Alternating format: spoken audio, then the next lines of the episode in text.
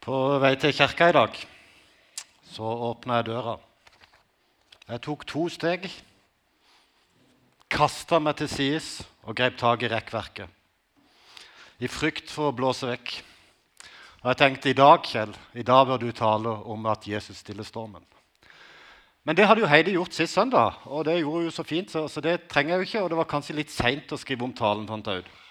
Så i dag så har jeg av alle tekstene kan velge i Markus 5-8, så har jeg falt ned på Markus 7.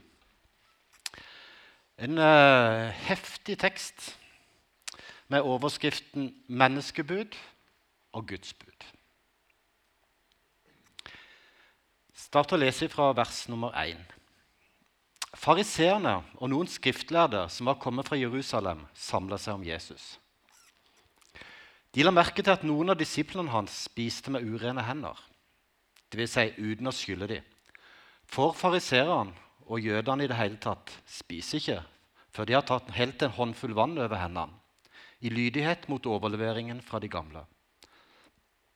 Og når de kommer fra torget, så spiser de ikke noe uten å ha tatt et renselsesbad. Ja, de har også mange andre skikker som de har overtatt og overholder. Som å dyppe krus og kar og kobberkjele i vann. Så Derfor spurte fariseerne og de skriftlærde han.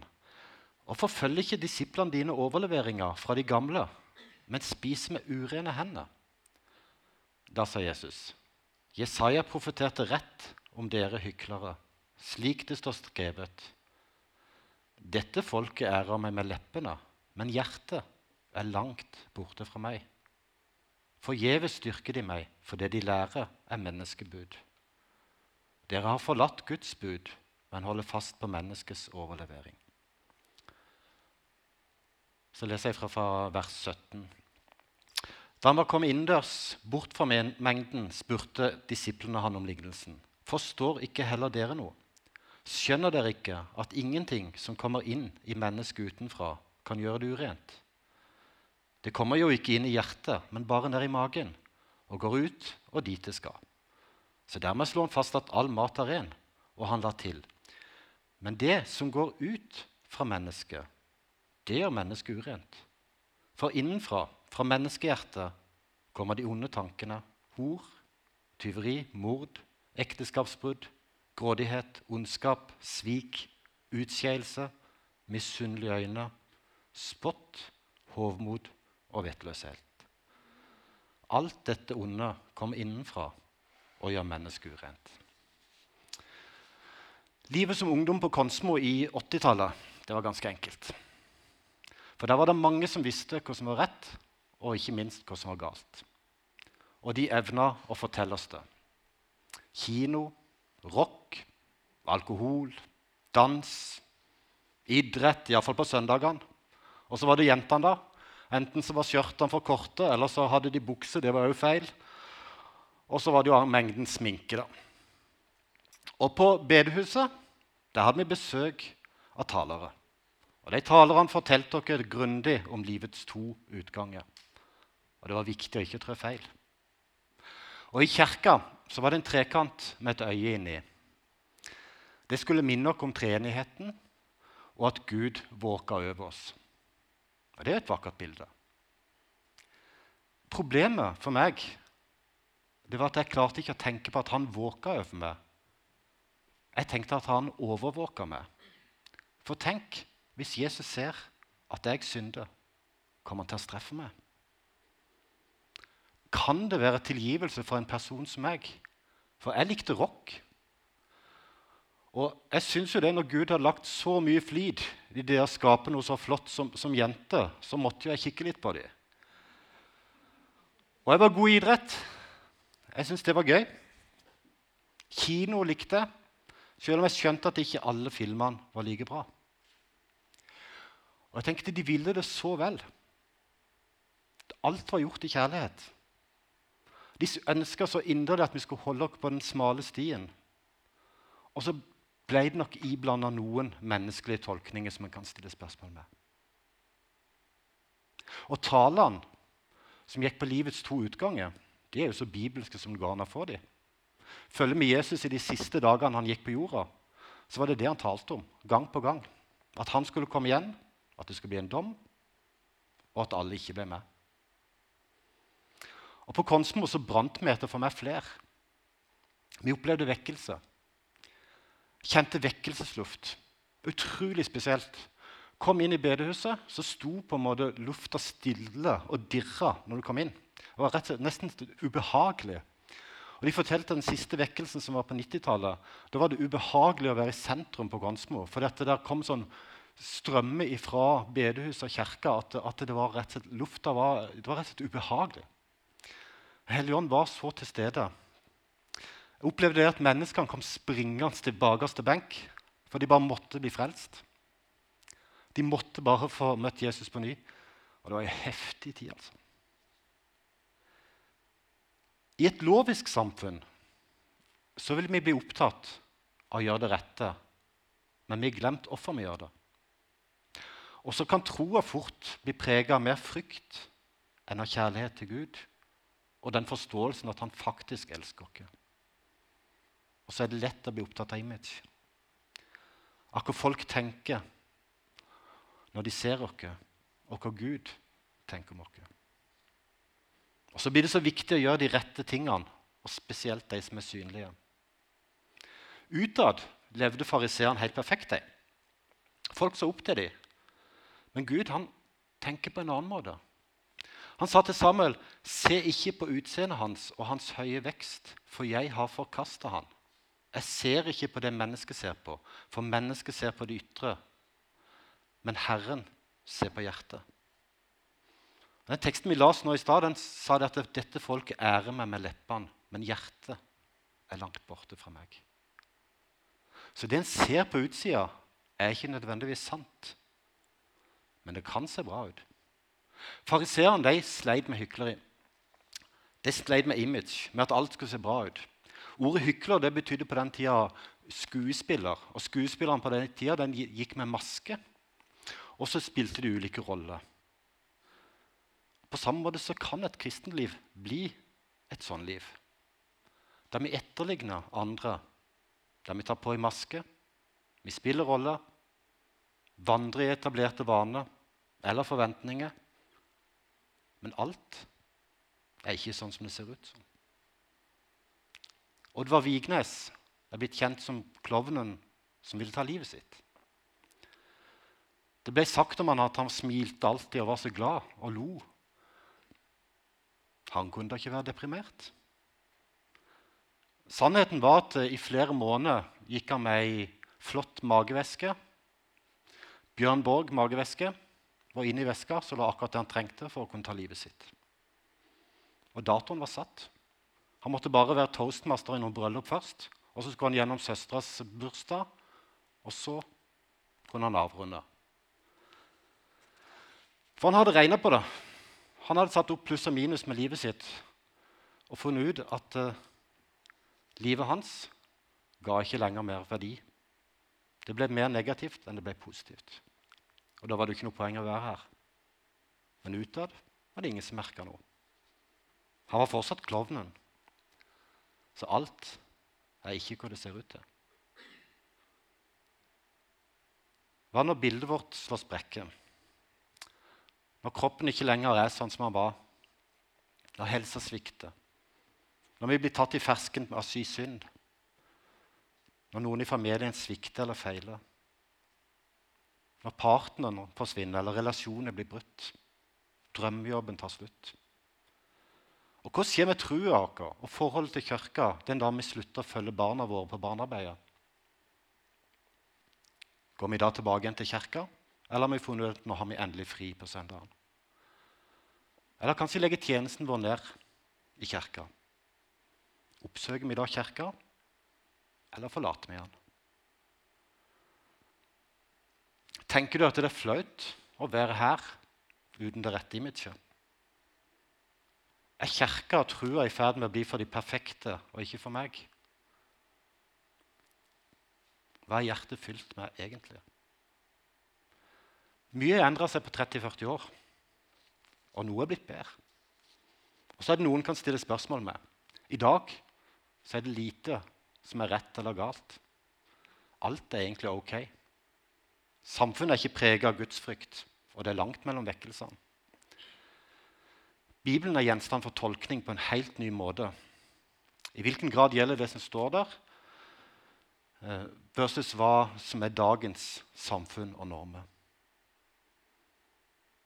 Vi eier ikke lenger sannheten. Det er kanskje egentlig ikke lov å ha en sannhet lenger. Vi skal ikke tråkke noen på tærne og ikke diskriminere noen. Og det er jo egentlig bra. Og så er det stadig færre som tror at livet har to utganger. Og det tør vi nesten ikke snakke om. Vi sang om at Gud er hellig, men vi snakker jo ikke så ofte om det. Men vi snakker veldig mye om at Gud er kjærlig. Og så spiller det ikke noen rolle lenger hvordan vi lever. Har du lyst? Har du lov. Velger du å stå opp for det du tror på, og tale imot det som er liksom samfunnets stemme, så blir reaksjonene kraftige. Og jeg tror at de, Det var jo akkurat de samme røstene fantes før, men nå er de bare blitt synlige gjennom sosiale medier, kommentarer på nett og meningsutvekslinger. Og De stemmene de skremmer oss. Det er sant at Gud elsker oss. Han er jo kjærlighet. Og det må vi bare fortsette å fortelle. Og så handler det kanskje om å skape en balanse. Jesus sier om seg sjøl at Guds rike er kommet nær. Omvend dere og tro på evangeliet. Ha tillit til evangeliet. Og For en plass får evangeliet, det glade budskap, i en verden der alt er ok og alt er lov. Har vi da behov for en frelser lenger?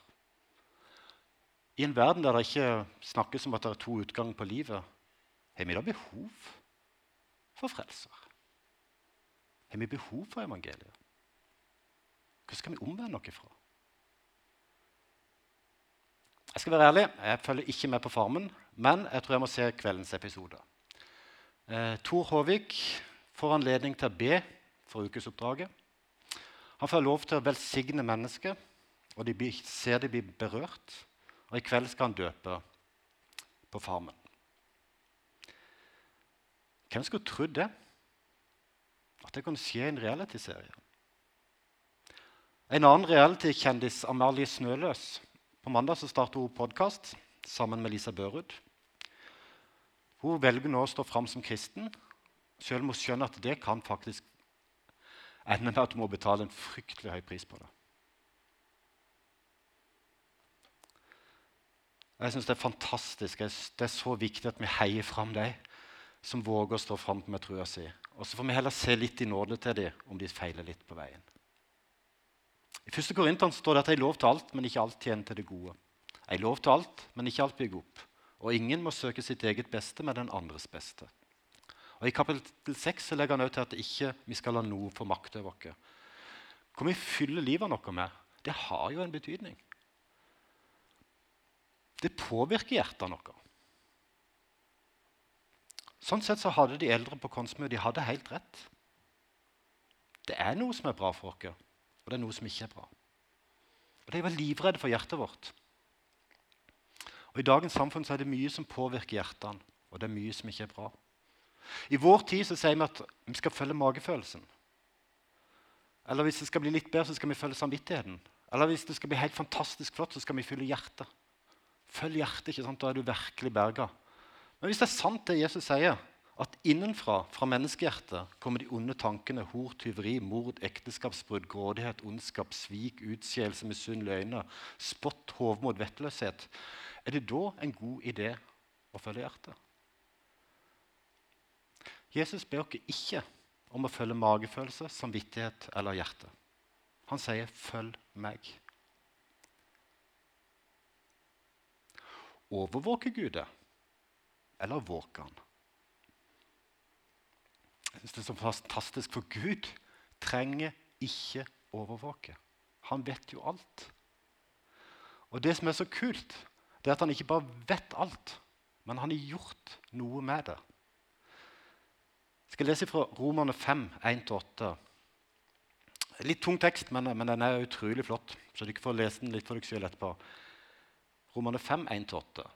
Da vi altså er blitt rettferdige ved tro, har vi fred med Gud, vår Herre Jesus Kristus. Gjennom Han har vi også ved troen fått adgang til den nåde vi står i. Og vi er stolte over håpet om Guds herlighet. Ja, ikke bare det, vi er også stolte over lidelsene. For vi vet at lidelsene gir utholdenhet. Utholdenheten gir et prøvet sinn.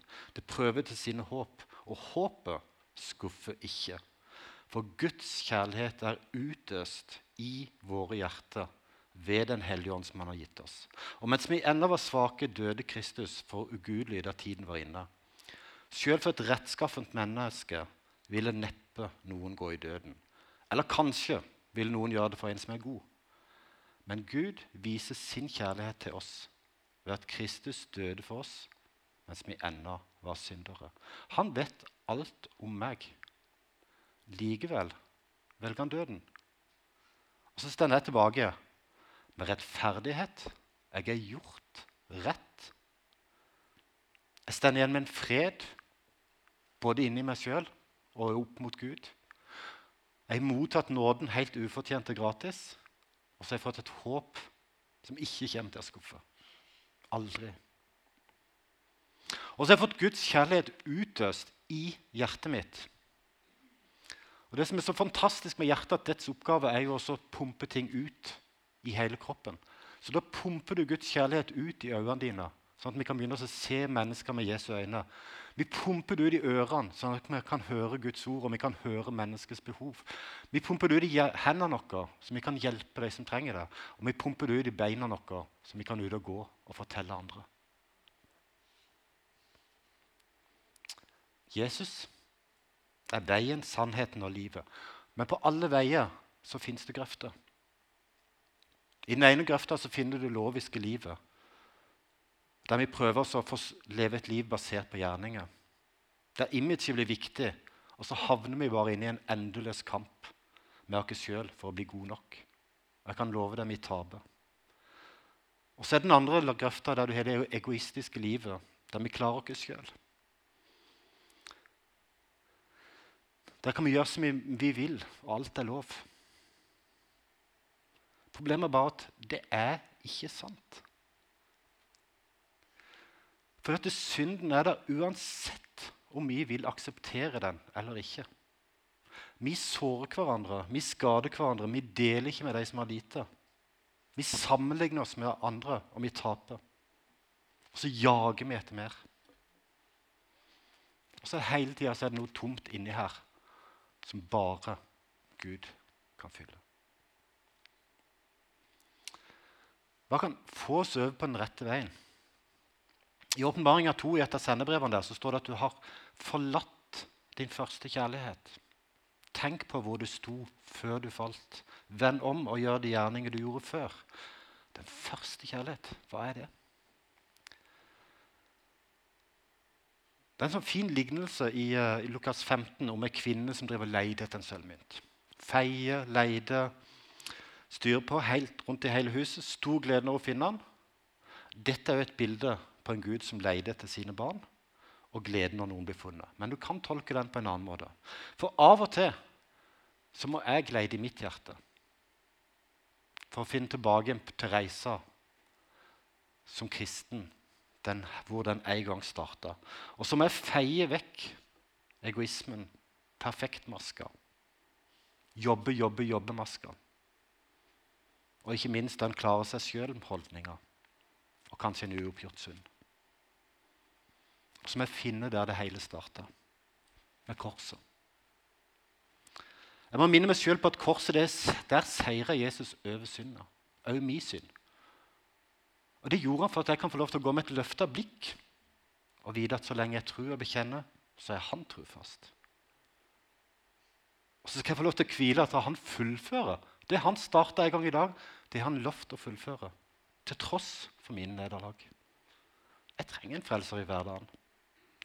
Det handler ikke om at jeg skal se ned på meg og se på meg sjøl som en elendig og forferdelig syndig, men tvert imot at jeg skal få lov til å legge det over på han som har gjort alt. Han som tok all synd for all tid. Jeg skal ikke gå rundt med skyld og skam. Jeg trenger ikke jage etter opplevelse eller følelse. Jeg trenger ikke jage etter å bli bedre, men jeg trenger å hvile. At i Han så er jeg ren og rettferdig og himmelen verdig. Min jobb Det er å søke Han først av alt og la Han få lov til å være herre i livet mitt. og det er jo bare så spennende. Og Jeg er så glad for at jeg møter mennesker akkurat som jeg sjøl i Bibelen. At Bibelen er dønn ærlig. For dette der møter jeg mennesker som faller, de svikter. De tabber seg, og de må starte på nytt. Og det gjør det enklere for meg å leve et ærlig liv uten maske. Det gjør det enklere å møte Jesus etter jeg feila. Det gjør det enklere å oppsøke kirka sjøl når jeg tapper meg. For jeg feila. I teksten som vi hopper over, så handler det om en unnlatelsessynd. At en vet om noe bra en kan gjøre, men ikke gjør det. Det går ikke mange dager uten å ta feil på det punktet. Og så tror jeg jeg tramper på andre for å komme i bedre posisjon sjøl. Og noen ganger går tunga løpsk. Og det kan gå hardt utover de som er til stede, og de som ikke er der. Judas og Peter de feila begge to. Stygt. Men utfallet av livene deres sine ble totalt forskjellig. Judas fulgte sin egen vei, endte i en tragedie. Peter gjør noe annet. Det er en flott historie i Johannes 21 eh, når Peter ser Jesus på stranda, hopper ut av båten, springer på land og møter han. Etter de spist sammen, så tar Jesus Peter til sides. Åssen møter Jesus Peter? Han har jo svikta han totalt. Ingen fordømmelse. Ingen hva var det jeg sa? Ingen skjerp deg. Ingen jeg så deg nok. Nei. Han spør elsker du meg. Har du meg kjær? Og Så får Peter det fantastiske oppdraget med å gå ut og ta vare på foran. Til tross for at han feila og kommer til å feile. Forskjellen på Judas og Peter er at Peter gjør det eneste rett. Han kommer tilbake igjen til Jesus til tross for at han feila. For Jesus er og blir hans redningsmann. Han er den eneste som kan reise Peter opp igjen. Og Så avsluttes den fine samtalen med at Jesus sier 'følg meg'.